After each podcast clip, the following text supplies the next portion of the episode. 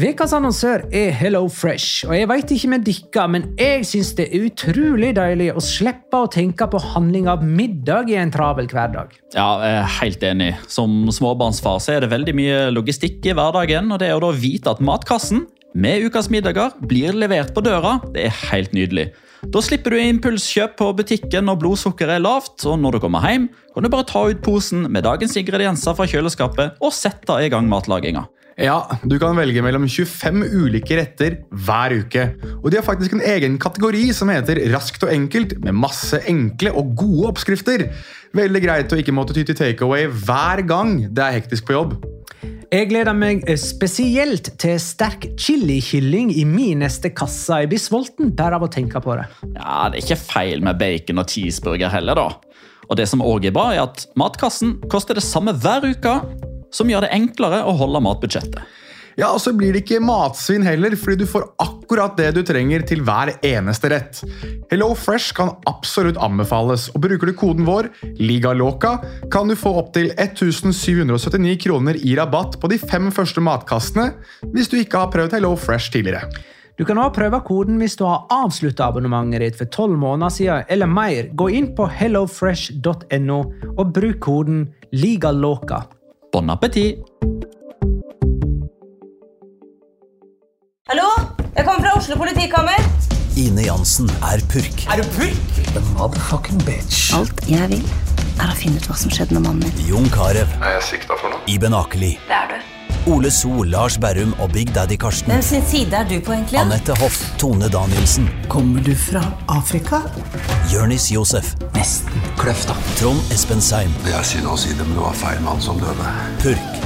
Premiere tirsdag på TV2 Play.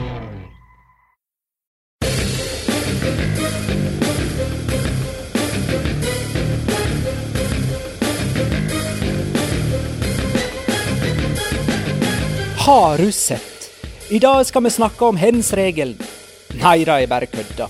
Eller jo, kanskje. Vi får se. Vi skal snakke om at Atletico sitt Madrid-kompleks er tilbake. At Barcelona feirer Copa del Rey-finale med å velge ny president. Og at Molde sin neste Europaliga-motstander er en utmatta versjon av Granada. La liga loca. En litt gærnere fotball. Ja, ja, ja. Dette er La Liga Loca, episode 155 av det helt ordinære slaget med Magnar Kvalvik på Bjerke i Oslo. Hei. Jonas Giæver i Oslo sentrum i Oslo. Hei. Shalom in the home. Og Petter Veland i Spydeberg utenfor Oslo, eh, litt østafor. Hei. Hei fra Viken. Hei. Et annet fylke til og med. Ja, ja, men sånn, eh, sånn er teknologien i dag. Det høres ut som vi sitter i samme rom og koser oss eh, med mindre enn en meters eh, avstand. Smalltalk i dag har vi vel ikke kunnet Det har vi ikke planlagt. Og da blir det sikkert Clubhouse-prat i dag òg. Jeg kan, jeg kan nevne det at når du snakker om én meters avstand Du og Petter har aldri sittet nærmere hverandre noen gang på min PC-skjerm enn det dere gjør nå. Altså, dere er klint opptil hverandre. Så Ja. mm, jeg tror nok at Vi har vel aldri sete på din PC-skjerm før heller. Nei. Nei, nei, det er kanskje like greit at du ikke har det. Det hadde vært eh, dyrebart for meg hvis du hadde gjort det i så fall. Er det sånn at dere nå har laga en slags La Liga Local Lunch eh, hver fredag på Clubhouse? Er det en fast ting? Vi prøver i alle fall. ehm, Men det er jo ikke alltid det vi prøver på eh, fungerer. Jeg har jo nå i ei uke prøvd å få deg på Clubhouse, men ser deg fortsatt ikke, Magnar. Nei, jeg har ikke lada den eh, den iPhonen ennå. Så han ligger- død på kontoret, faktisk. Så du har hatt en død telefon i en, over en uke nå, som, gjør, som er eneste grunnen til at du ikke har blitt med oss på Clubhouse og hatt La Liga Loca Lunsj ennå? Jeg tror faktisk at han ligger der død i to-tre uker. Ja. Jeg bruker den mest til testing, den der. Men uh, jeg får vel eh, Og så har jeg hatt veldig mye å gjøre. Jeg er veldig, veldig busy. Mye å gjøre. Så eh, Men uh, jo da. eh, pending invitation blir snart uh, mottatt med en aksept, så får vi se når. Blir det en sånn eh, La Liga Loca-lunsj på Clubhouse av dere nå på fredag og eh, dagen etter Granada Molde? Ja, vi må prøve oss, uh, prøve oss på det. Og så må vi, må vi, nesten komme litt tilbake til når tidspunktet blir denne gangen her. Det var plutselig litt sånn at jeg også har begynt å bli litt busy. Så um, det kan være at Nei, har du fått deg jobb, på. Jonas? Uh, det ønsker jeg ikke å kommentere. Nei, OK. Ja vel. Men da går vi i gang med runde 26, kamp for kamp. Uh, Valencia Villarreal 2 1. Og vi har fått spørsmål fra Chris Robin Eriksen. Hva var mest interessant? Femmila i Oberstdorf eller på Mestalla? For du veit, sist gang eh, det var kamp på Mestalla, så brukte jeg sammenligningen med eh, femmil. Det, var, det viktigste var å se innspurten, altså de siste minuttene av eh, sendingen. For som på femmila så er det da det skjer òg på Mestalla. Denne gangen så lå Valencia under til det var spilt 85 minutter. Da utligna de, og på overtid så skåra de eh, seiersmålet ved Gonzalo Gedes. Akkurat sånn som de gjorde i forrige heimekamp, da de skåra to overtidsmål mot uh, Celta Vigo. Og som i Oberstdorf så, så ble jo dommere uh, og juryer, for å si det sånn, uh, tema for sendingen. men det der kan det godt hende vi kommer litt mer tilbake til. Hadde du tenkt å si noe her, Jonas? Nei, jeg, skulle bare si det at er det, er, det, på sin plass å sammenligne Gonzalo Geders og Emil Iversen i det at de er litt sånn forgotten menn som bare dukker opp og vinner, begge to? Ja, nå er Eh, Gonzalo Gedes bekrefta matchvinner av Valencia via Real. Ingen kan ta fra han det, mens det ryktes at eh, Emil Iversen fortsatt kan miste gullet fordi at protestene fremdeles ikke er ferdigbehandla fra Oberstdorf. Ja, vent nå litt. Nå kommer sikkert et eller annet til å skje med Valencia og som bare gjør situasjonen der enda verre, bare det du sier det. Så det er greit. Nå, nå vil ikke kronprinsen av Johor investere noe mer for at du har jinxa dette her, Magnar. Det er greit. Uh, OK. Ja, men uh, det får nå så være. Uh, vi har òg fått en tweet fra kontoen 'Ligger Valencia på tolvteplass?' De skriver 'Hei'. Kanskje som et hint om at vi skal ta og sjekke tabellen. Og ja, Valencia ligger på tolvteplass. Uh, Otto Lillebø spør blir Villarreal noen gang et storlag når de aldri klarer å slå de andre storlagene rundt seg? Jeg har egentlig litt lyst til å omformulere det spørsmålet til Har Unai Emeri sitt, sine lag noen gang sleget storlag? Eh, der tror jeg svaret er nei. Jeg tror ikke man trenger å gå inn i verken et eh, Excel-skjema eller en eh, sånn logaritme eller noe som helst. Der er bare svaret nei. Under Emery, så fort han møter et lag som enten har større budsjett, flere poeng eller flere tilskuere, da blir det tap. Ja, eh, eller større historie enn laget han sjøl styrer. Større ett, større et eller annet. Mm, nemlig. Ja. Villarreal har nå åtte strake kamper uten seier. Det var en hensituasjon her, uh, og jeg lurer på om vi skal ta det seinere. Uh, jeg tror vi skal ta det seinere. Vi går videre nå. Valladolid Getafe 2-1. Eh, de to siste seirene til Valladolid har kommet mot Getafe. De vant 1-0 den 2. januar, og altså 2-1 her. Det er de eneste to seirene de har på de siste 13 seriekamper. Eh, det ble delt ut ett rødt kort i La Liga denne helgen, og det kan ha kommet i en Getafe-kamp. Og det kan ha blitt tildelt en Getafe-spiller, f.eks. Heime Mata. Eh, det kan òg ha vært hans første røde kort i La Liga-karrieren. For Chetaffe-spillere får gjerne sitt første røde kort i karrieren som Chetaffe-spillere. Eh, Jonas hadde en finger i været.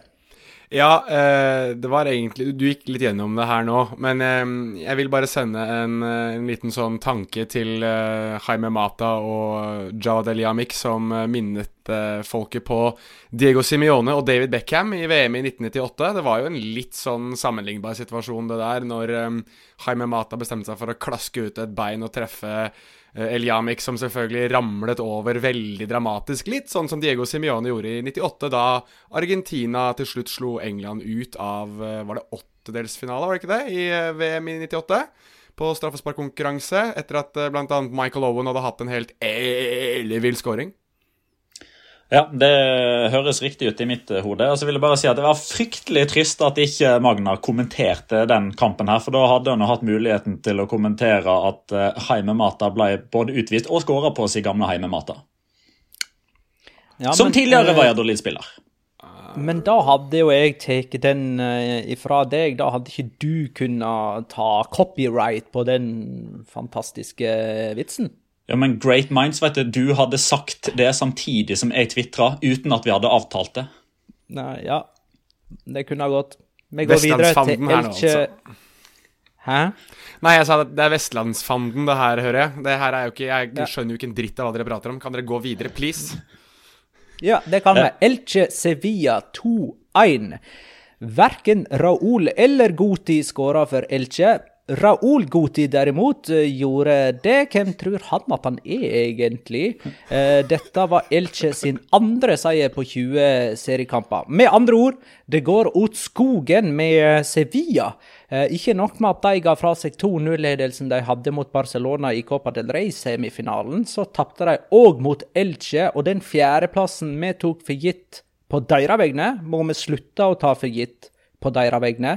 Eh, Sevilla hadde ni strake seire i alle turneringer. Nå har de fire tap på de siste fem, og tirsdag kveld er de ute av Champions League etter nok et tap mot eh, Borussia Dortmund. Eh, og neste helg er du inne i en litt sånn uh, selvdestruktiv fase nå, Magna? Du høres ut som du har gitt opp hele sesongen. Loppetegi er ferdig, og Campos kan de selge, og Enesyri skal til Westham. Og til helga taper de Sevilla-derby på Ramón Sánchez. Ah, ja. Her har vi det. Her har vi det. Cádiz Eibar 1-0. Eh, ingen av disse hadde vunnet siden januar. Eh, Eibar har fremdeles ikke vunnet siden januar. Alvaro Negredo ble matchvinner for Cádiz. Eh, Eibar-keeper Dmitrovic bomma på straffe. Han skåra jo mot Atletico Madrid tidligere i sesongen og fikk dermed tillit eh, her òg, men Ledesma er visstnok en bedre keeper enn Jan Oblak og redda denne. Eh, det er fjerde gang en keeper redder straffe fra en keeper i La Liga-historien. Eibar har bomma på fire straffer denne sesongen. Og Sassona-Barcelona 0-2. Eh, sterk veke for eh, Barcelona. Det begynte egentlig ganske råttent med at Bartomeo ble fengsla, men Eh, var ikke det egentlig en slags blessing in disguise? Det var jo egentlig gode nyheter. Så uh, først så fikk de Bartomeo fengsla. Så uh, sikra de seg en ny Copa del Rey-finale på onsdag. Og så slo de Osasona lørdag. Og så spilte Atletico og Real Madrid uavgjort mot hverandre på søndag. Samme dag som Barcelona valgte en ny president, og det var full jubel i leiren. Uh, og som om ikke det var nok, uh, 18 år gamle Ilaish Moriba skåra jo sitt første Barcelona-mål på den samme banen, og i det samme målet som Anso Fati skåra sitt første for klubben. Uh, vi kommer mer tilbake til Barcelona etter hvert. Vi kan nøyes enn så lenge med å si at de er tre poeng bak Atletico på tabellen, med én kamp mer spilt. Uh, og dette var den åttende strake borteseieren til Barcelona i La Liga. Er det noe du vil si, Jonas, før vi går mer i dybden etterpå?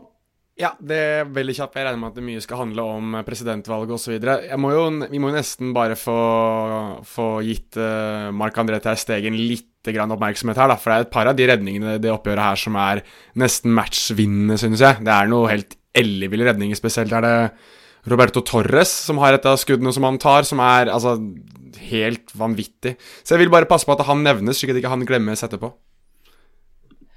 Uesca Celta Vigo 3-4. Eh, sju mål og sju ulike målskårere, og ingen av dem heter Iago Aspas. Eh, begge lag leda, og begge lag snudde kampen. Det var 2-2 til pause og 3-4 etter 76 minutter, så ingen trodde at siste mål var skåra på det tidspunkt, men det var det altså. Eh, Celta Vigo er på åttendeplass, Uesca helt sist. Petter? Hvem hadde trodd at festen var klokka to, og at et dårlig nachspiel var klokka kvart over fire? Ja, Atletico Madrid, Real Madrid 1 1. Det var altså kampen som fulgte OSK Celta Vigo. Um, nå er det fem år siden sist Atletico slo Real Madrid i La Liga. Dvs. Si ti seriekamper mot Los Blancos uten seier. Så får vi se om det er starten på en ny rekordlang rekke, som den på 23 kamper fra 2000 til 2013. Eh, Suárez sendte Atletico i ledelsen. Benzema utligna og sikra et svært godt resultat for Barcelona. Uh, vi kommer tilbake til den kampen. Real Sociedad Levante 1-0. Mikkel Merino, matchvinner for Real Sociedad, som hadde sjanser nok til å vinne 4-5-0, inkludert et straffespark som Oyar Sabal bomma på igjen. Uh, Real Sociedad er tre poeng bak Sevilla, som har fjerdeplassen, men de har òg én kamp til gode. Sevilla har det, altså. Jonas? Ja, Her vil jeg egentlig bare være litt Petter og ta litt statistikksnacks, for det syns jeg er litt sånn hinsides å se på i, i den kampen her. Altså, ok, Først og fremst, Mikkel Oyarzabal har nå bommet på tre av sine fire siste straffespark, hvis vi regner uh, konken mot, mot, Barcelona i, um, i supercupen. Men i det oppgjøret her, altså ifølge den statistikken jeg har, det er sikkert noen andre som har en annen statistikk, altså 25 skudd fra Real Sociedad åtte av de treffer mål, kontra da Levante, som har seks skudd totalt, ett av dem på mål. Og de vinner fortsatt kun 1-0. Altså, det er noe av det villeste jeg har lest hva angår bare ren skuddstatistikk. Um, at man kun klarer å skåre ett mål, som du sa innledningsvis, Magnar. 3-4-5-6-7-0 kunne det fort ha blitt her om de hadde vært litt mer effektive foran mål. Så det er, eh, nei, det er noe av det villeste jeg har sett, Petter. Ja, jeg får bare fylle på der, da, men eh, med disse begrepene eller dette fenomenet expected goals her eh, altså, Her har jeg undersøkt tre eh, forskjellige kilder, fordi man har jo litt ulike parametere å måle det på. Uh, Understat har en expected goal på Real Sociedad i denne kampen her på 4,95. Uh, Infogol har de på 5,67, mens, uh, mens en sånn Twitter-konto som spesialiserer seg på dette, her, som heter The XG Philosophy, har de på 5,71. Det er det høyeste tallet i La Liga siden de begynte å regne på expected goals. Og helt på tampen så hadde Levanta en i tverrlegger og var jo nære ved å utligne. SMH spør oss burde Dani Cardenas bli Levantes eh, førstevalg. Eh, for han hadde jo en god del eh, saftige redninger nok en gang, og han sto jo i en praktkamp nylig på Wanda Metropolitano, der vi kåra han til rundens spiller. Ja, altså definitivt. Og den som eh, gliser mest her, er jo eh, Levantes eh, president og sportsdirektør, som ser at her kan de selge Eitor Fernandes, som jo har vært en av de beste keeperne i La Liga de siste tre sesongene, vel vitende om at backupen står klar, og han er klar. Så, Men Eitor, Ferna Eitor Fernandes er jo 29. Mens ja. Cardenas er 23. Hun liker godt selge Cardenas, for da får man jo lagt på uh, uh, ung og lovende-prisen i tillegg. Ja, Men 29 er ung og lovende, det er for de som står mellom stengene. Ja, OK. Eh, så da får du med rutine og ung og lovende. Ikke sant? Og så kan ta Danny Cardenas være god i Levante et par-tre sesonger til, før han blir erstatteren til Oblak i Atletico. Men vil det ikke være mulig å tenke seg at Aitor Fernandes vil være om ikke høyaktuell, så vil det i hvert fall være et navn som står ganske høyt på listen til en potensiell eh, Eller i en, en EM-tropp for, eh, for, Spania. Altså Hvis vi skal snakke om faktisk salgspris og hva som man kan selge ham på, så vil jeg jo tro at hvis Levante faktisk får han med i den troppen, som ikke er helt utenkelig, så kommer du til å kunne slenge på kanskje et tall til, eller i hvert fall høyne det tallet lengst framme i en eventuell salgssum, da. Hmm. Tenk at Levante måtte ha to så gode keepere.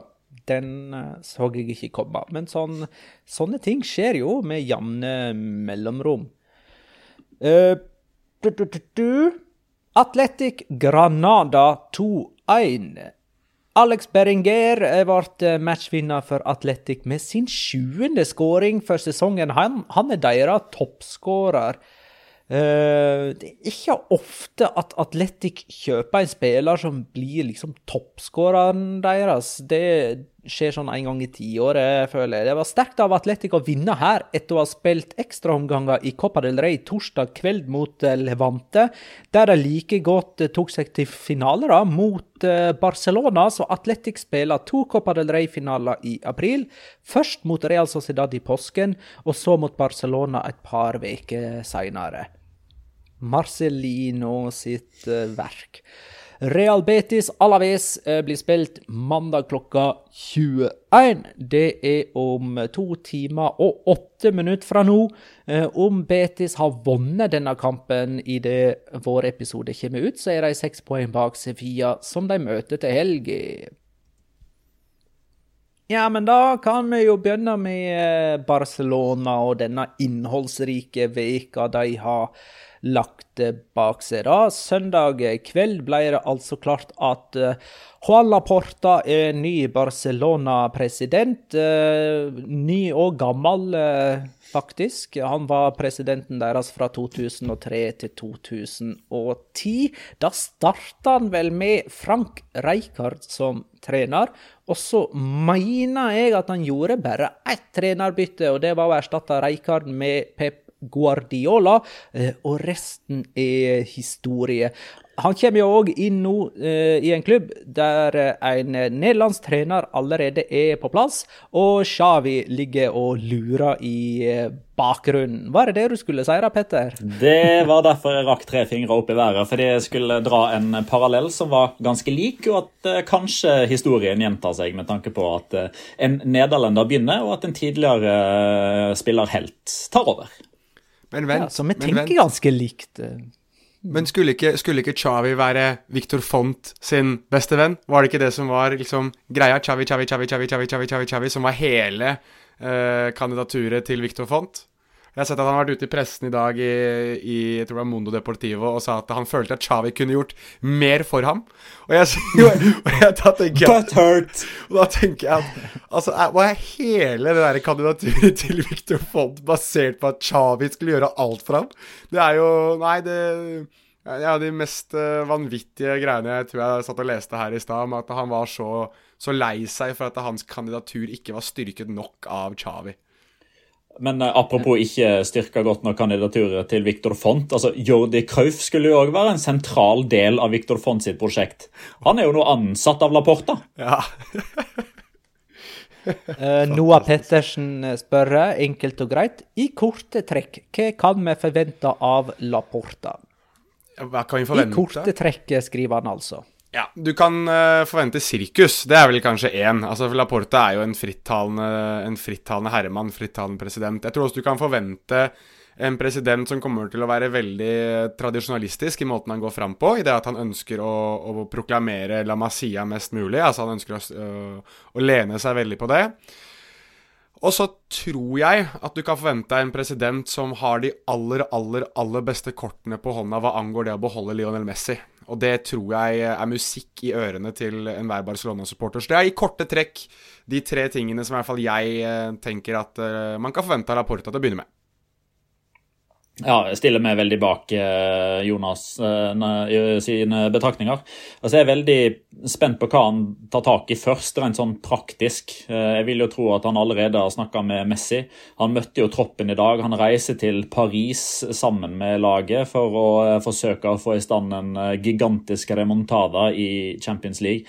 Men det er jo det økonomiske som liksom er det prekære. Det er jo det som står og blinker mot ham med store, store røde tall. Um, jeg syns jo uh, Sid Lowe hadde et godt uh, poeng både på Twitter og i The Spanish Football eh, Podcast, nemlig at uh, nummer én og to i dette presidentvalget er Laporta og Victor Font. Og, så, og de hører egentlig litt til i den samme fløyen. Dette snakka vi litt om sist, at denne her Croifista-fløyen, selv om Laporta kanskje ikke er så langt ute eh, i den enden av skalaen som det Victor Font er. Og så har du Freisha, som kommer på tredjeplass med under 10% av stemmen, vel, som hører til egentlig eh, ja, den samme fløyen som Sandro Rosei og Bartomeo. Så det er jo ganske tydelig valg om at eh, Eller eh, signal om at eh, medlemmene av Barcelona ikke ønsker den retningen videre. Nå, nå er det en ny retning, og tilbake til Cruyff-retningen, liksom. Ja, helt enig. Helt enig i det, og så tror jeg um, Jeg vil ta, ta, et aspekt som jeg har prøvd å kommunisere litt, men som jeg føler fortsatt er litt underkommunisert, og det er jo dette med økonomi. Og det er vel noe som har gått igjen både for Victor Fong, Tony Freysha og ikke i like stor grad John Laporta i måten de har talt på. De har ikke snakket like mye om det. Men jeg ville jo tro at veldig mye av sponsoratene og de pengene Barcelona skal få inn fra aktuelle eh, sponsorer og investorer osv., avhenger av om Lionel Messi blir værende. Jeg ville tro at folk har lyst til å investere i et prosjekt der Messi er, kontra et prosjekt der Messi ikke er. Så, for, for, å svare, prøve å svare litt på spørsmålet til Petter, og kanskje stille et spørsmål til dere begge to, ville det ikke vært fordelaktig for Barcelona det å, å angripe den Messi-situasjonen først, og vite nøyaktig hva de kan lokke med til aktuelle sponsorer som kan hjelpe dem med å få grønne tall på kontorene igjen, før de gjør noe som helst annet? Altså Messi først, og så alt annet? Jeg vet ikke. Ja, jo, jo, jeg synes, men jeg syns for så vidt det går litt hånd i hånd. Eh, skal man eh, få styr på økonomien, så må man ha et svar fra Messi. Skal den gigantiske lønnsposten være der? Eh, skal det gigantiske trekkplasteret overfor sponsorene være der? Eller eh, skal eh, man eh, forsøke å bare bli si, kvitt problemet, som Victor Fonte kanskje til dels snakker om, at økonomisk Nei, Carlos, Carlos Tosquets var det som snakka om det. Om at sånn, Rent økonomisk sett så hadde det kanskje vært best å selge Messi i sommeren 2020. Men vi kan jo bare veldig kjapt dra gjennom hvem som blir en del av dette prosjektet til Laporta. da. Eh, vi har jo snakka om Jordi Krauf. Han skal jo i utgangspunktet da komme inn som eh, sportsdirektør. Du har eh, José Ramón Alexanco, som skal være ansvarlig for ungdomssatsingen. Han skal være La sterke hånd. Uh, Victor Valdez skal inn og være keepertrener på akademiet. Mateo Alemany skal jo få den jobben som uh, direktør general, som en form for direktør som har det øverste sportslige ansvaret. Tidligere Valencia og Mallorca, annet. Og så er nok kanskje det som er aller viktigst for selve, klubbdriften, er jo at uh, Oscar Grau, som til nå har vært CEO, altså klubbdirektør, han blir bytta ut med en mann som heter Ferran Reverter. Vet absolutt ingenting om hva han står for. Eh, bortsett fra at jeg har lest meg opp på at han har leda Mediamarkt de siste 20 årene i Tyskland, og visstnok vet eh, veldig eh, mye om hvordan man skal tjene penger for en institusjon.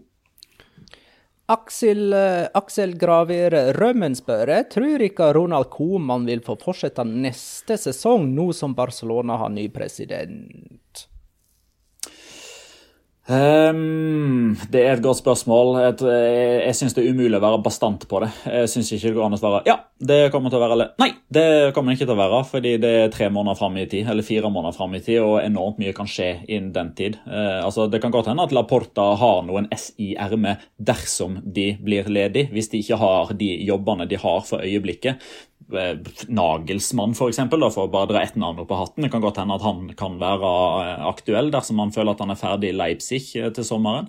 Men samtidig så har jo Koman begynt å, å, å, å vise litt formtopp, for å si det sånn, da, i manageryrket.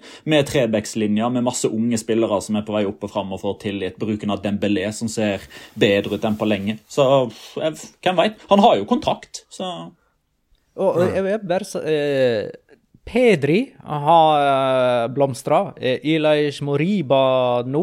Uh, Ansofati jo, er jo nå ute med skade, men hadde en veldig sterk start på sesongen. Mingesa Araujo Det er jo på en måte fem nye navn som på en måte ser ut til å kunne bære laget til en viss grad framover. Jonas, hva var de tankene? Nei, jeg er enig i det du Det var litt det jeg skulle fram til, jeg òg. Og så vil det være ganske sånn um, både situasjonsbestemt og sikkert litt sånn følelsesbestemt òg. Altså hvis, hvis, Barcelona skulle klare en remontade da, mot, mot, PSG, la oss bare si det, så tror jeg ikke Ronald Coman kommer til å sparkes på slutten av sesongen nesten uansett. Hvis de vinner eh, Copa del Rey, så tror jeg heller ikke Jeg tror det blir vanskeligere å sparke ham. Men hvis de da får juling av PSG igjen og taper en Copa del Rey-finale mot Atletic, så er det vel et betimelig spørsmål å stille seg. Så dette her er jo åpenbart at det kommer til å være tema på slutten av sesongen for en gangs skyld. Altså at det faktisk blir Eh, en trener som ikke sitter på lånt tid, men en trener som faktisk kan påvirke sin egen framtid i litt større grad enn man kanskje skulle trodd, slik det så ut for Ronald Coman tidligere den sesongen. Eh, ettersom eh, de to Madrid-lagene spilte uavgjort mot hverandre, og Barcelona ser ut til å være litt sånn i La Liga-flyten, så spør Endre Tengren hvilken sjanse gir ikke Barcelona på ligagull nå i prosent? Mm, Petter? Altså, jeg mener jo fortsatt at uh, Atletico Madrid har dette. Om ikke er nede i lomma, så skal det iallfall være ganske store favoritter. Jeg tror vi mer eller mindre kan stryke ut Real Madrid fra ligninga. Altså vi kan gi dem noen prosenter. Uh, men la oss si at hvis vi breaker det ned til at det står mellom Atletico Madrid og Barcelona, så vil jeg kanskje tro at Atletico Madrid, Atletico Madrid tar det sju eller åtte av ti ganger at Atletico tar det sju av ti, sju eller åtte av ti ganger. Ja, så gir det 75-25 da, fordel eh, Atletico, hvis det står mellom de to. Uh, OK, 75-25. Jeg må skrive ned dette. Favør Atletico. Jeg uh, sier at uh, Barcelona har 55% sjanse til å vinne, og Jonas Sa så det, altså, for, meg, for meg er Bars Barcelona er favoritter i mine øyne. Ja. Jeg tror Barcelona vinner. Oi. Eh, Jonas Ja, det tror jeg.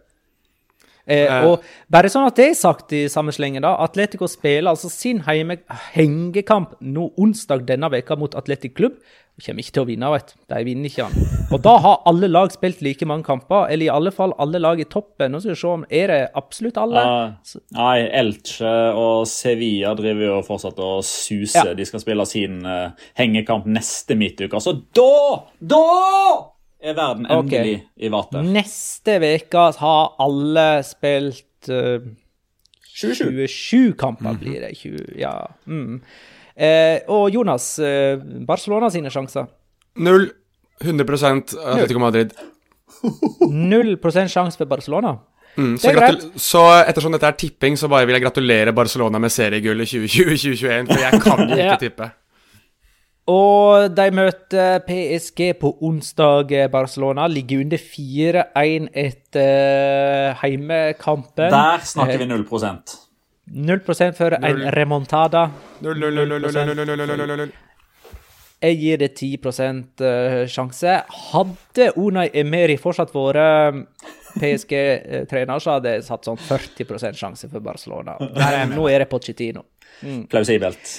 Vi må snakke om Derby Madrileño, som altså endte 1 en Var dette Atletico Madrids misbrukte sjanse til å slå eh, Real Madrid? Eh, ja, jeg føler dette fort er litt høna og egg. Eh, to sider av samme sak, 50-50. Man kan ha to ulike vinkler til inngangen på det spørsmålet der. Eh, den pessimistiske og negative for Atletico Madrid sin del er jo at her syns jeg at de har alle muligheter til å vinne kampen, og dermed i alle fall si takk og farvel til Real Madrid og øke prosentandelen, sånn at til og med Magna Kvalvik har de til favoritter til å vinne La Liga. Eh, men eh, jeg vil jo heller ha det aspektet der at Real Madrid sliter de veldig med. Eh, de sliter med å få has på dem. De sliter med å havne foran eh, på, på, tabellen. De sliter med å ta seg forbi dem når de møtes i turneringer. Det er fortsatt den store nemesisen. Så med det eh, bakteppet så var det jo egentlig snakk om skulle denne kampen her ende uavgjort, eller skulle den ende med borteseier, og den endte uavgjort. Hvilket i så tilfelle betyr at Atletico Madrid opprettholder en ganske fin avstand ned til Real Madrid, og de har unnagjort den vanskeligste kampen som gjenstår av sesongen, sammen med bortekampen på, på Camp Nou. Og Real Madrid som utfordrer har færre kamper å ta det igjen på.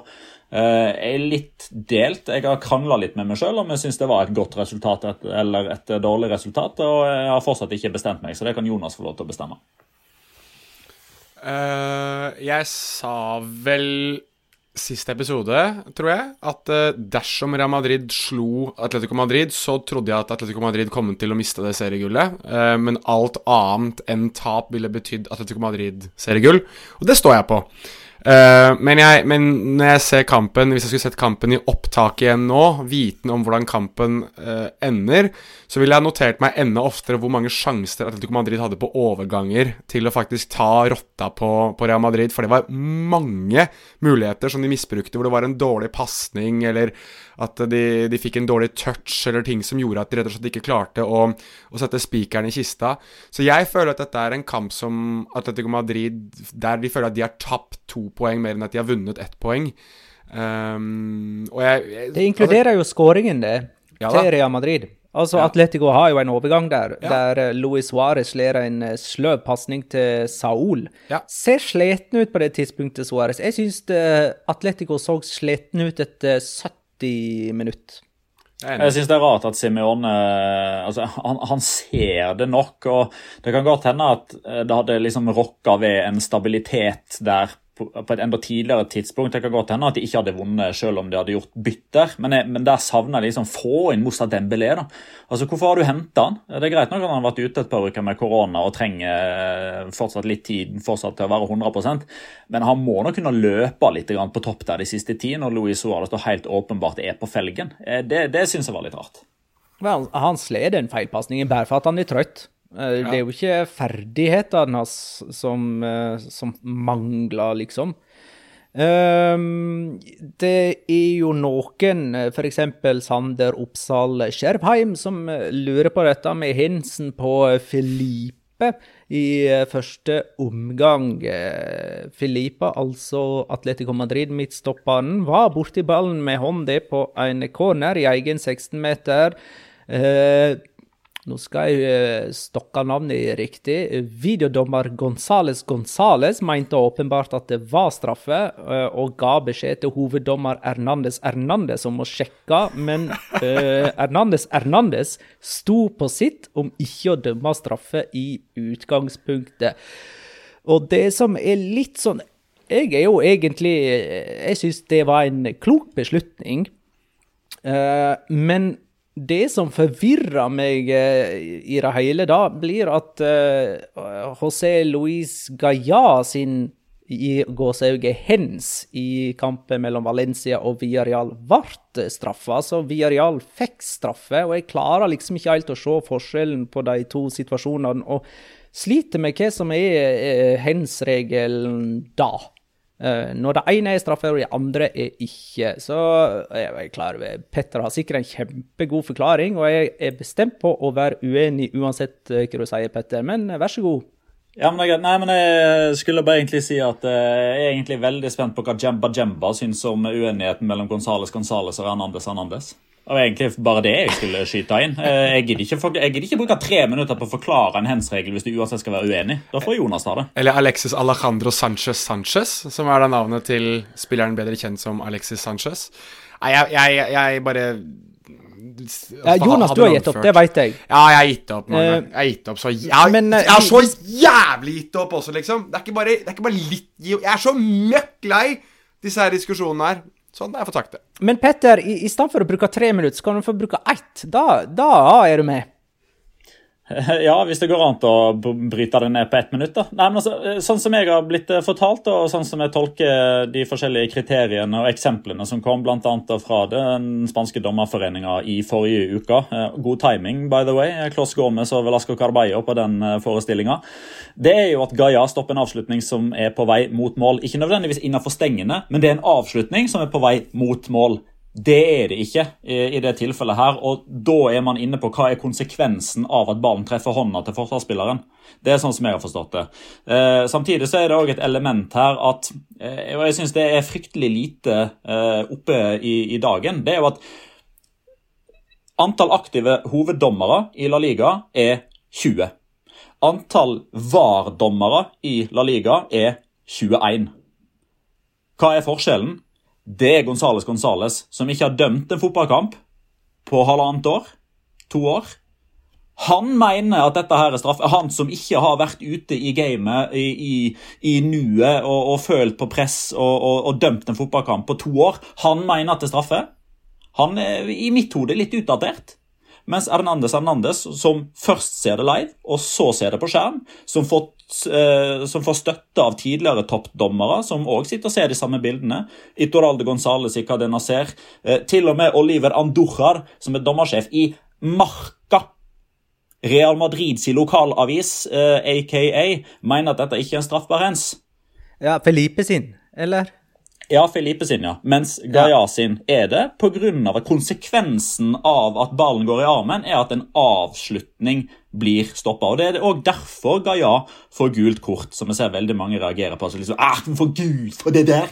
Ja, men det er fordi det står i regelverket at hvis man stopper en avslutning med hånda, så skal det gis gult kort. Hvilket regelverk er det? For jeg finner ikke IFAB-regelverket. Uh, og så lurer jeg på en ting eh, til. Når, hvis det er sånn at en avslutning som går mot mål, spredt i en forsvarers hånd, eh, gjelder da det samme prinsippet som om en angriper får ballen i hånda og så skyter i mål, så er det, så er det annullert skåring for uansett hvor uheldig man er? Altså sånn som eh, det er ikke sikkert alle så eh, Fulham-Tottenham uh, torsdag kveld, men jeg gjorde det. Hva er han heter han Fulham-spilleren som fikk ballen i armen før uh, noen skåra? Lemina? Lamina? Mario Lemina. Mario Lemina. Ja. Han hadde uh, kroppen Nei, hånda helt inntil kroppen, fikk ballen i armen, og så skåra. Eh, og så er jo reglene da at uansett hvor uheldig du er når du får den ballen i, i armen, så, så, er det annullert mål hvis du skårer som følge av det. Gjelder det prinsippet i motsatt retning, at hvis en forsvarer får ballen i armen og skuddet er på vei mot mål, så er det straffbarhet? Nei, det er det ikke. Nei, Så da er det jo et annet kriterium som spiller inn ja. på Gaia-situasjonen. da, og Det er at han enten gjør seg unaturlig større, eller at han har armen oppafor skulderhøgde. Og jeg klarer ikke å se noen av de delene. Nei, nei fordi hvis Gaia hadde hatt armen helt inntil, hvis han hadde hatt armen helt inntil, så hadde det ikke blitt dømt straffbar hens. Men hvis han hadde gjort det samme, hvis han hadde tatt turen opp i boksen til Villarreal og gjort akkurat det samme, og Gerard Moreno eh, håper jeg skulle klarere litt, og, sånt, og så treffe den armen til Gaia Hvis han hadde vært en offensiv spiller, da hadde det vært straffbar hens. Ja, men da skjønner jeg ikke at det argumentet gjelder i Gaia-situasjonen, at det blir dømt straffe mot han fordi at ballen er på vei mot mål. Ja, men Det er jo fordi han er en defensiv spiller. Han forsvarer seg. Det, ja, men, det, men, det, men han blir, jo, ja, han blir ikke straffa for at ballen er på vei mot mål, han blir straffa for noe annet. Han blir straffa eh, som forsvars... Ja, men han blir straffa som forsvarsspiller fordi han stopper en avslutning på vei mot mål med noe som da blir definert som en straffbar hens. Jeg hater når mamma ja. og pappa krangler. Jo, men, jo, men, det er interessant at du trekker fram den der, eh, Magna. fordi nå, nå, er det jo klart nå, IFAB har jo vært, de hadde jo styremøte på forrige fredag. Og en av de regelendringene som kom til å tre i kraft 1.7, er jo nettopp det der at det ikke automatisk skal være straffbar hens hvis ballen treffer en angrepsspiller. Så hvis den kampen mellom Tottenham og Fulham var det vel, eh, hvis den hadde blitt spilt 2.7, så hadde den skåringa stått. Ja, Eh, og det er jo godt å vite. Jeg visste ikke at dere hadde kommet fram til den konklusjonen. Jeg visste at dere hadde hatt møte. Har dere allerede offentliggjort den konklusjonen der, altså? Ja, det har de eh, faktisk. Eh, ja, det, det, har de. Det, det blir i alle det... fall uh, altså, Dale, Dale, Johnson er mannen å følge på, på Twitter. Han jobber for ISBN. E Han kommer med alt sånt. Det er jo veldig gode nyheter. da. Uh, for, uh, nå har jeg vært for var uh, hele tiden, men, men jeg syns jo det at det at man har endra fotballreglene, og da spesielt hens-regelen, for at det skal uh, tilpasses VAR, i stedet for at man heller tilpasser VAR til eksisterende fotballregler, det har altså irritert meg grønt og gjort det veldig vanskelig å forsvare videodømmingbruken eh, det siste året. Og alle videodommermotstandere har jo kunnet godta seg med dette tullet. Dette men, men... er fjas. Men det, men det, som også er litt sånn interessant, da, uten å ta sida i den debatten der, det er jo at det man veldig ofte eh, etterlyser og kritiserer, er jo en manglende konsekvens i hva ja. som er hens og hva som ikke er hens. Men den eneste tingen som alltid har vært konsekvent, som alltid gjelder, er jo nettopp det de fjerner nå. Det er jo for meg et paradoks. Det er, all, det er alltid hens hvis ballen spretter opp i en angripers arm i, i umiddelbar nærhet av en skåring. Det er konsekvent. Hver gang. Alltid. Ingen diskusjon. Ja, ja. Lik det, ikke lik det. Konsekvent. Sånn skjer det hver gang. Alltid. Men det skal man ha bort. Det er et paradoks. Jo, jo, jo men det er noe godt for fotballen. Eh, bevares, bevares. Det er det. Men eh, også, yes. det fins fortsatt ting eh, i formuleringene som kan gjøre hens-regelen litt enklere å forstå. Så vi får håpe at de justerer litt på det òg, mens de først er i gang. Men vi kommer alltid, vi, vi kommer alltid til å krangle.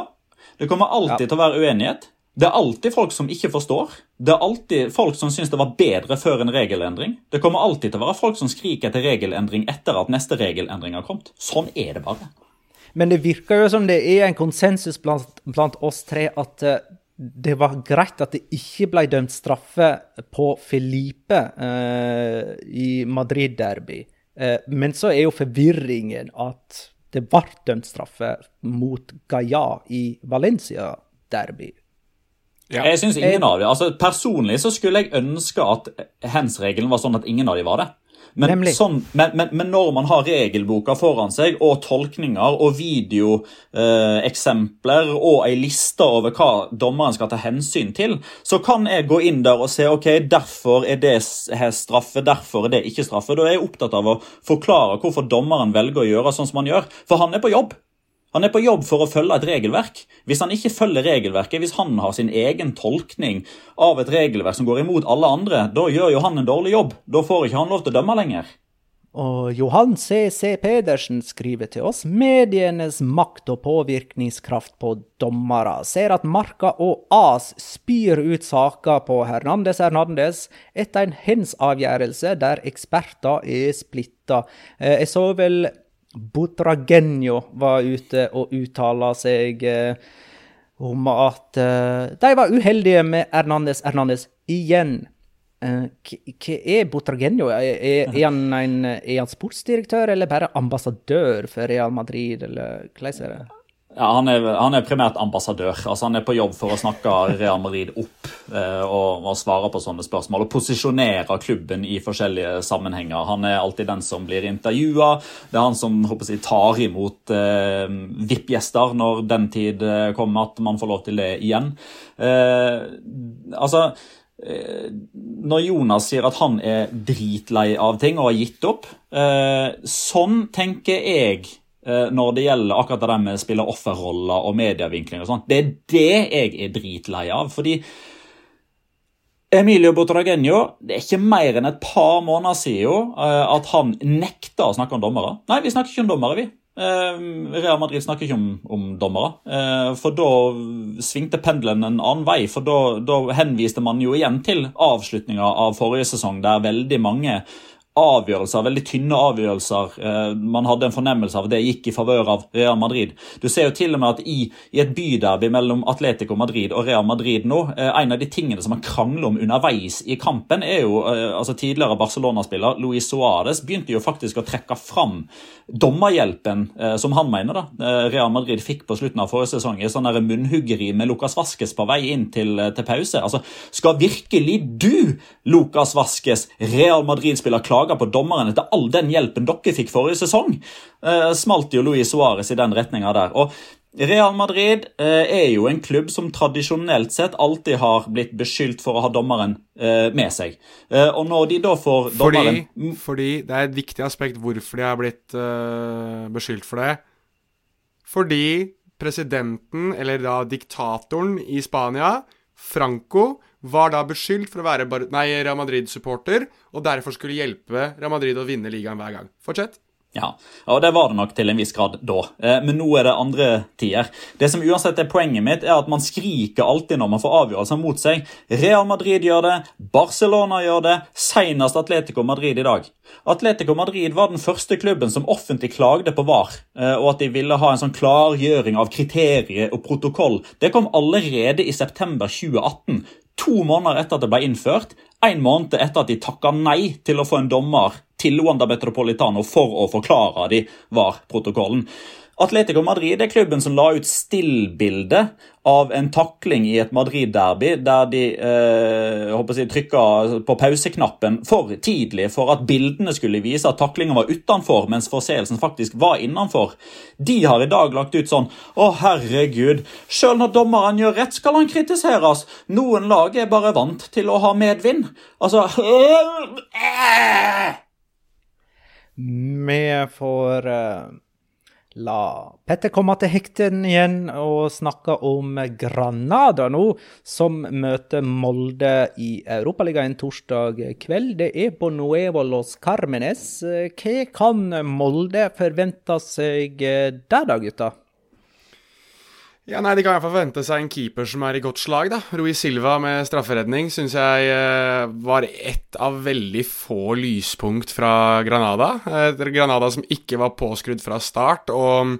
Gjorde, mot Atletic, da? Mot Atletic, ja. Eh, og gjorde fri vei for Via Libre. Og så passet de på å sovne på slutten, der Berenger satte inn uh, vinnerskåringa. Og så må jeg være såpass ærlig og si at det er en sånn eh, fotballromantiker i meg. En sånn eh, Ja, hva skal jeg si? Altså, jeg gleder meg bare til å se Jorge Molina kaste seg inn i dueller med diverse Molde-spillere. Og jeg ser liksom for meg at det kan bli en sånn artig liten greie der uh, han skal kaste rundt på vekta si inn i boksen til, til Molde. Um, så det er de to tingene jeg tenker først og fremst at eh, jeg ser fram til, og hva, som, hva Molde kan se opp for.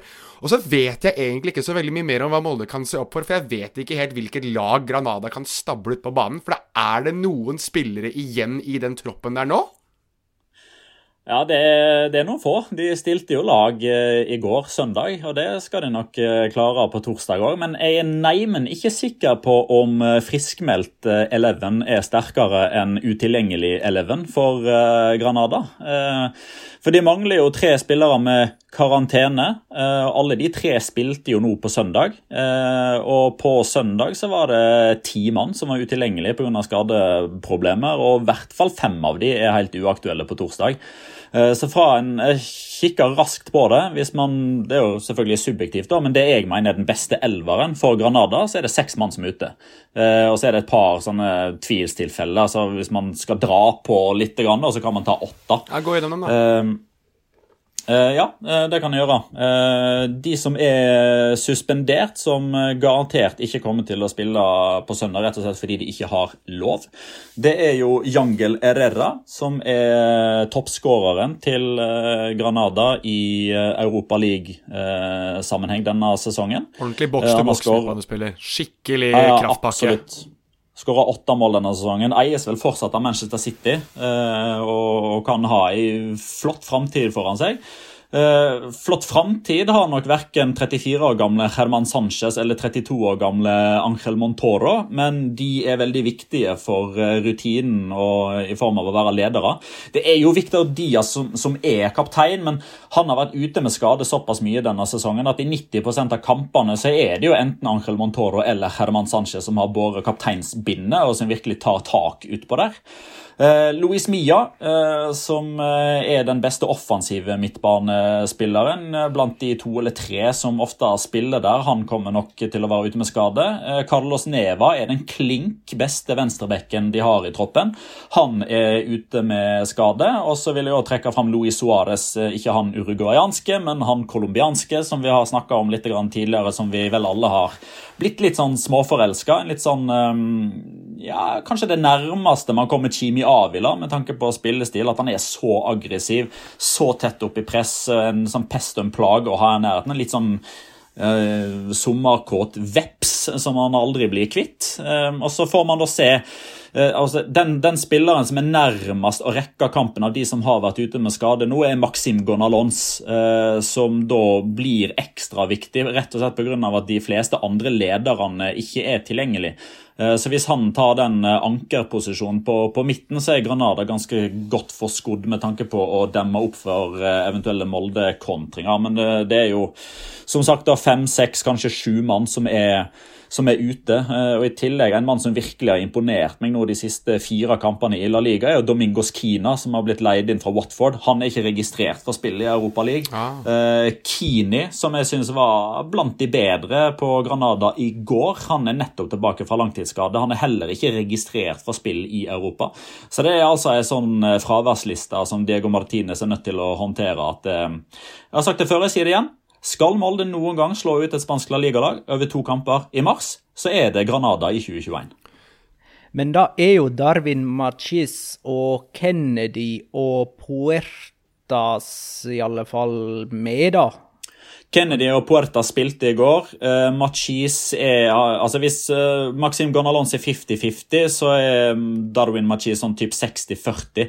Men så er jo også spørsmålet hvor mye Diego Martinez risikerer å gamble med f.eks. Darwin Machis. da. Jo, men eh, vil ikke Altså, nå ligger de på tiendeplass i eh, La Liga. Er ikke liksom denne her Europaliga-veien nå prioritet eh, nummer én? De slo ut Napoli i forrige runde og la igjen mye krefter for mm. å klare det. Og det vil jo være bortkasta om ikke man da satser beinhardt videre på det, i stedet for å ja, også heller ofre både søndagens kamp nå mot Atletic og eh, helgerunden som kommer.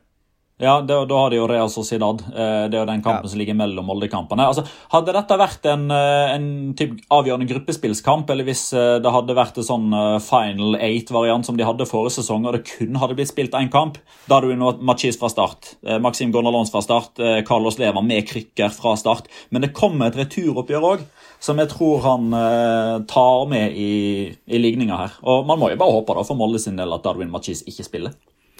Men det, det returoppgjøret, er det satt til hvor det skal være hen? For at Molde har jo spilt allerede én gang, og det var, jo i, det var jo i Spania.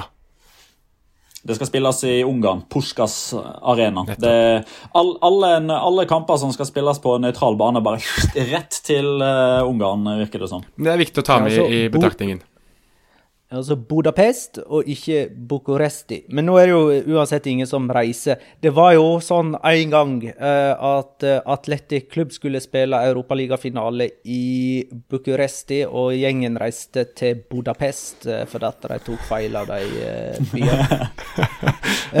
men da, da, kan det jo være at 35 år gamle Roberto Soldado og 38 år gamle Jorge Molina spiller. De er jo nesten eldre enn trener Diego Martinez, som vel er å regne som et trenertalent. Han er 40 år og har gjort eh, underverk med Granada, må være lov å si.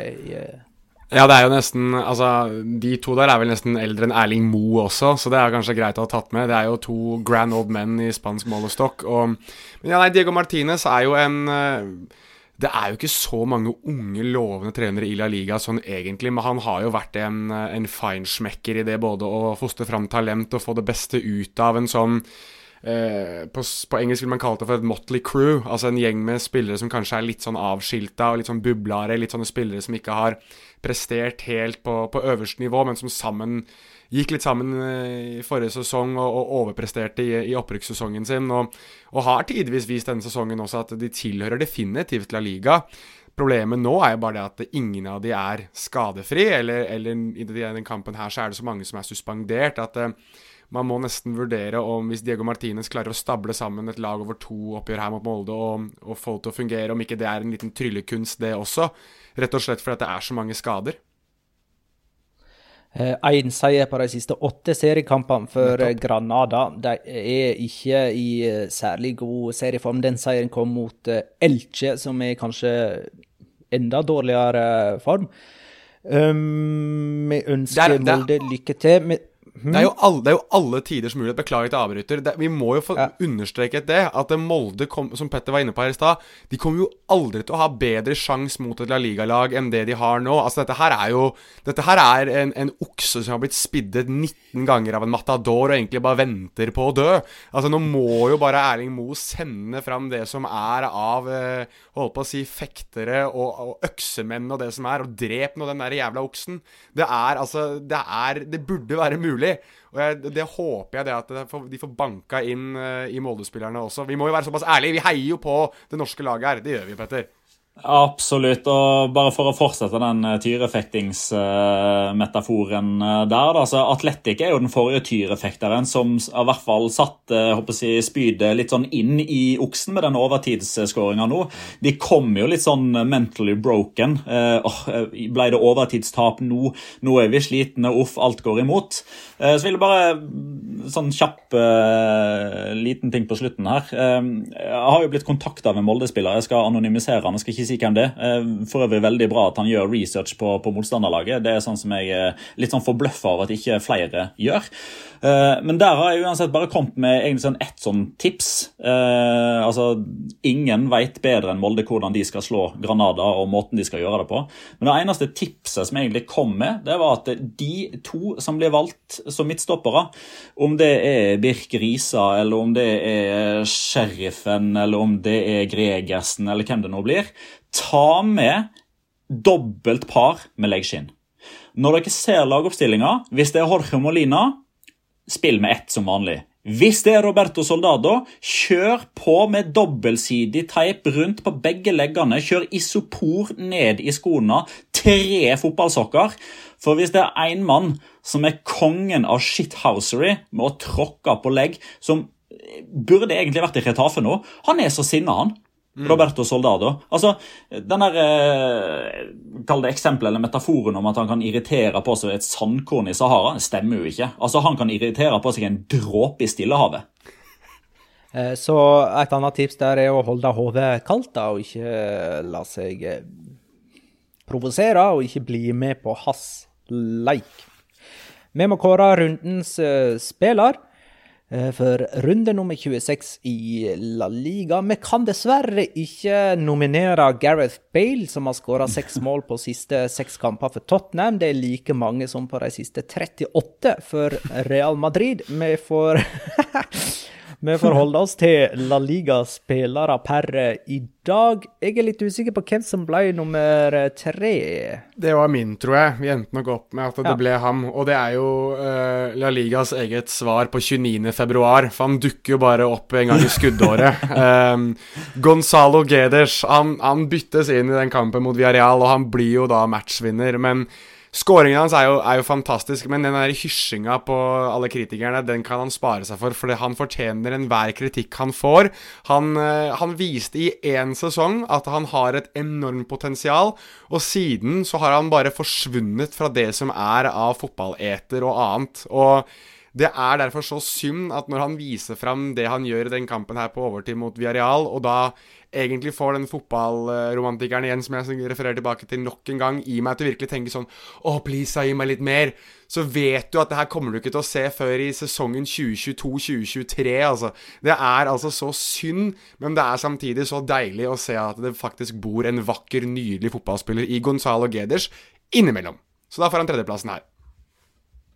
Uh, Andreplassen går til uh, mannen som jeg syns var toneangivende, og egentlig mannen og hjernen bak at Valladolid omsider klarte å vinne en fotballkamp uh, igjen. og Det er um, en mann som det, det jeg tror det er litt sånn blanda følelser for han i redaksjonen. Jeg har liksom fått det for meg at du aldri helt har fått sansen for Fabian Orellana. Jeg ser på deg, Jonas. Jeg kan jo på mange måter forstå det, for han har noen ræva kamper iblant. Det har han definitivt. Levd opp til forventningene har han ikke, verken generelt i livet eller som fotballspiller eller i Valladolid. Men i den kampen her så var han eh, kjempegod med målgivende pasning. Han var hjernen bak eh, 2-0-skåringa til Sean Weismann, som deretter gikk og hang seg sjøl. Eh, han hadde den feiringa igjen. Veldig merkelige greier. Men eh, han nådde ikke helt opp, Magnar. Nei, rundens spiller er faktisk Elche-spiss Guido Carrillo, som brukte hodet mot eh, Sevilla. Bare vent litt, jeg skal gå og hente en lighter. Vi skal tenne et lys for Guido Carrillo. Slapp han en fis og vil uh, ja, Uansett. Uh, Guido Carrillo eh, brukte hodet mot Sevilla. Det er jo det han er klart best på. I 2018 2018 så kåra jeg han til rundens spiller etter at han skåra to mål for Leganes mot Valladolid. Og etter det brukte han to år på å skåre to mål. Men nå er han over forbannelsen. Han har gjenoppstått fra de døde. Og siden desember nå så har han skåra tre mål for Elche, så nå skårer han faktisk ett mål i måneden! Det er råsterkt. Og i helga så sikrer han altså eh, Elche tre poeng mot eh, Sevilla. Er Jonas? Eh, jeg regner med at vi kommer ikke til å nå det her, så jeg må bare få tatt det. Eh, kudos, samtidig ris på rumpa til Elche, som 15 minutter før avspark mot Sevilla bekrefter at de har signert Pablo Piatti. Av alle spillere på denne planet, så er Pablo Piatti tilbake i La Liga. Han var uten klubb, han, da. Ja, han var det. Men samtidig, Ja. altså Tenk det å pisse i eget bed, da. Altså, Hva var det de egentlig gjorde for det? Var det sånn i tilfelle det går til helvete, så bare Her har dere Pablo Piatti, så ikke dere dreper Twitter-kontoen vår etterpå? Var det liksom det de Var det, var det tankegangen der? Hvor gammel er han nå? Er det noen som veit? 49 Han er vel 32, 32 tror jeg. 31-32. Født i 89, kan det stemme? Nei, han så Han er, men Så han han, er en eh, ung Jeg slo gjennom tidlig, veit du. ja, han, er, han er liten, og så var han rask. Jeg veit ikke hvordan det er med han uh, nå. Uh, Sivert Vik lurer for øvrig på om vi kan få en runden spiller i diktform før uh, sommeren. Eh, vel, vi får se, da. Eh, Guido Carillo ble vel ikke kåra til rundens spiller i diktform i 2018, ble han det? Jeg tror ikke vi jeg tror ikke vi æra han med poesi den gangen. Men Da er det tid for Locora! Ukens La Liga Locura. Locura. Locura. Locura. La Liga Locura. Uh, jo, jeg kan godt eh, begynne i dag og fortsette litt uh, Granada-tråden, eh, faktisk. For det at Granada-keeper Rui Silva redda straffe fra Raúl Garcia på San Mames nå i helga, det betyr at Granada har fått åtte straffespark imot seg, og bare to har gått i mål. Eh, Molde må eh, med andre ord for guds skyld ikke få straffe mot Granada, og i alle fall ikke la dobbeltoppgjøret gå til straffekonk. Uh, Rui Silva har redda fire straffespark. Uh, Jimenez har redda ett, og så gikk ett i aluminiumen. Eh, Petter. Ja, jeg hadde egentlig tenkt å ta litt eh, rundt Marko Dimitrovic, eh, som brant eh, straffe, og at det var en annen keeper som redda, men det, det tok det jo, en rundeoppsummering. Så da tar jeg heller det som Valencia-fansen ergrer seg over når de ser hva sine tidligere helter og ledere si, foretar seg. Helt til slutten av februar så var det vel Pablo Longoria som ble ansatt i en relativt heftig storklubb i Frankrike, så han har jo tatt steget videre. og så holder jo Marcelino på å løfte bøtter i Atletic og skal spille cupfinale annenhver helg i april. Mens Matteo Alemany nå blir eh, den eh, store mannen som Joan Laporta skal støtte seg til i fotballklubb Barcelona, mens Valencia da sitter med Anil Murthy og Peter Lim og snart en sultan fra Johor. Ja, jeg tror faktisk Chris Robin Eriksen eh, sendte oss en tweet om akkurat det, og skrev 'det svir jo'. Det gjør jo det. Han er jo Valencia-supporter, for de som måtte eh, lure. Jonas? Ja, eh, jeg vil gå litt tilbake igjen til dette med Det var noen som nevnte hvordan eh, aviser legger press, og media legger press på dommere i La Liga. Og jeg tror jeg nå har funnet Altså, denne helga her så var det jo da NBA All-Star-match, og der har de jo MVPs. Jeg tror jeg har funnet Altså, MVP av ræva, ræva, ræva, ræva mediepropaganda mot en dommer. For stakkars dommer Hernandez Hernandez. Altså, man har gravd nå fram en, eh, en avisartikkel fra 11. juni 1994, der da dommer Hernandez Hernandez var 11 år gammel! Og, og der han blir sitert på det at han likte Barcelona. Så nå dømmer han selvfølgelig imot Real Madrid hele tiden. For han som 11-åring sa at han likte Barcelona. Er det rart? Det blir krig i verden! Det der er faktisk medievirkeligheten i Spania. Det, det er jo ikke til å tro. Ja, men det var det jo ikke. Vi skal jo ikke mer enn et par, par måneder tilbake. igjen, Så var det jo noen som hadde gravd opp at pappaen til Monoera Montero i sin tid hadde en sånn Madrid Penya, der de bodde i Alicante eller Murcia eller hva det var for noe. Altså, Det er så gale. Vi får eh, ta og tippe litt på tampen eh, her. Forrige kamp var Atletico Madrid mot Real Madrid, som endte 1-1 med Luis Suárez som første målskårer. Jeg hadde tippa der 1-2 med Venicius som første målskårer. Det gir meg null poeng. Jeg står på 23. Petter hadde 1-1 med Marcos Llorente som første målskårer, men han nøyde seg med en målgivende. Eh, Tre poeng til Petter, som da har 20. Jonas hadde 0-0. Det gir ett poeng, og du har bare 10. Tosifra. Neste kamp Tosifra. Ja. Ja. Alle tre er på tosifra. Det er jo deilig, det, da. Eh, neste kamp er bestemt er Sevilla Real Betis søndag klokka 21. Jeg har satt faktisk 2-1 eh, og Canales som første målskårer. Den kampen ender 0-0, garantert.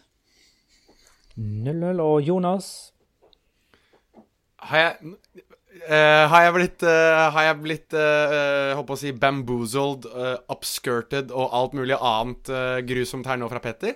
Fordi du vet jo, Magna Kvalvik, du vet jo, Petter Wæland, denne kampen her ender 0-0 garantert! Ingen målskårer. Ja, men da Nei, har nei, vent litt, vent litt, vent litt, vent litt. Jeg, jeg vil faktisk gardere meg. Jeg vil ikke ha de fem poengene. Jeg garderer meg. Jeg tar en første målskårer, Oi. Ja. Og det blir pandaen. Borja Iglesias. Iglesias Greit. Så kampen ender 0-0, og Borja Iglesias skårer, men den blir annullert av VAR, sånn at jeg får ti poeng. Uh, det, Det- vil nok ikke stå seg, nei. Det vil ikke det.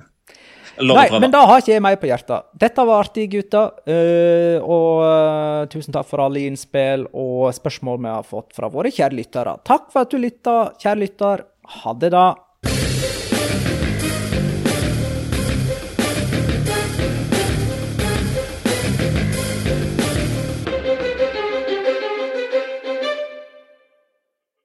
Har du et enkeltpersonforetak eller en liten bedrift? Da er du sikkert lei av å høre meg snakke om hvor enkelt det er med kvitteringer og bilag i fiken, så vi eh, gir oss her, vi.